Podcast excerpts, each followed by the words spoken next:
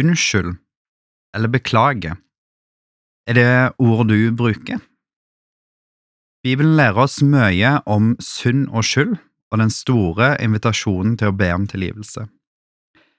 Hvis du er litt sånn som meg, så sitter det som regel litt eller langt inne å innrømme for andre at en har gjort noe galt. En annen ting er å bekjenne synd for hverandre, for noen andre. Det er noe vi først og fremst må be Jesus om. Samtidig så har vi òg behov for å be hverandre om tilgivelse, og Bibelen underviser oss om dette blant annet i Matteusevangeliet og i Jakobs brev. Og jeg har lyst til å begynne i Matteus 18, 15–18. Dersom din bror gjør en synd mot deg, så gå til ham og still ham til ansvar på tomannshånd. Hvis han ikke hører, skal du ta med deg en eller to andre, for etter to eller tre vitners utsagn skal enhver sak være avgjort. Hvis han ikke hører på dem heller, skal du si det til menigheten. Hvis han ikke engang vil høre på menigheten, skal han være som en hedning eller toller for deg. Sannelig, jeg sier dere, alt dere binder på jorden skal være bundet i himmelen, og alt dere løser på jorden skal være løst i himmelen. Her underviser Jesus oss om at eh, hvis en bror eller søster synder mot deg, eller mot meg, så skal vi ta og snakke med den personen på tomannshånd. Vi skal speile den personen på hva den har gjort imot oss, og hva som er synd, og gjerne si hva det har gjort med oss. Og Hvis den broren eller søstera da innrømmer det, så har du vunnet din bror.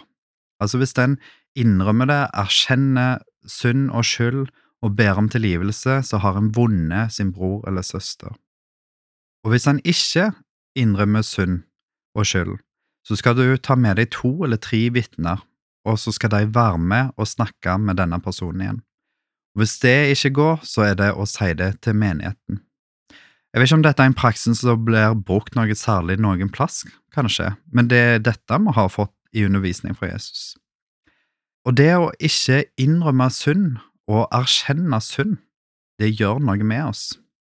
Det sto i en kommentar sånn at eh, en synd som ikke erkjennes og bekjennes, er en trussel for tilhørigheten til disippelfellesskapet og Kristusfellesskapet. Altså, det å ikke innrømme synd, det er en trussel for relasjonen vår, tilhørigheten vår, til disippelfellesskapet og Kristusfellesskapet. Altså, det skjer noe mellom meg og Jesus, og det skjer noe med meg og det kristne fellesskapet hvis jeg ikke innrømmer synd. I undervisninga her så får vi òg undervisning om at eh, vi kan tilgi hverandre. Vi kan eh, sette hverandre fri. For det med noen binder på jorden, skal være bundet i himmelen, og det dere løser på jorden, skal være løst i himmelen.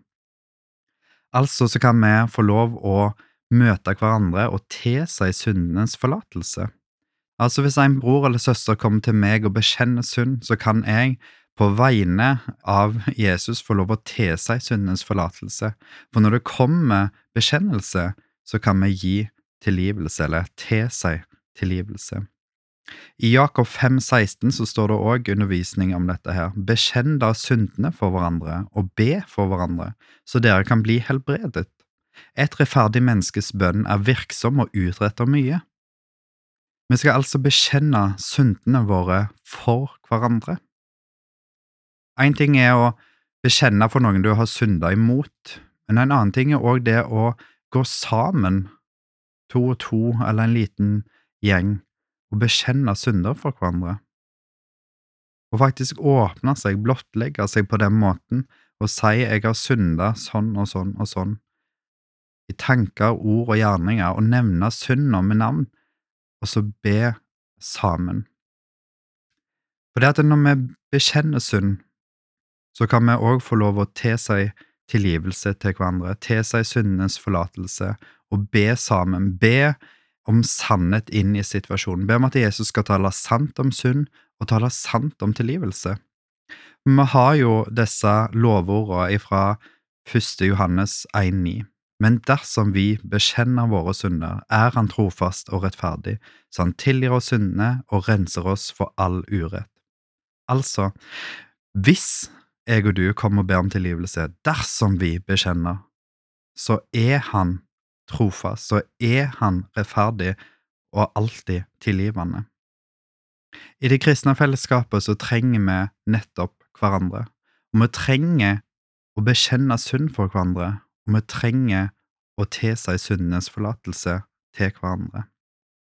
Jeg har lyst til å minne meg sjøl og deg om det, for jeg vet at det, for mange av oss så kan vi sitte fast i synd som ikke er bekjent, og det kan legge et teppe, det kan legge en sorg, det kan legge mørke i våre indre.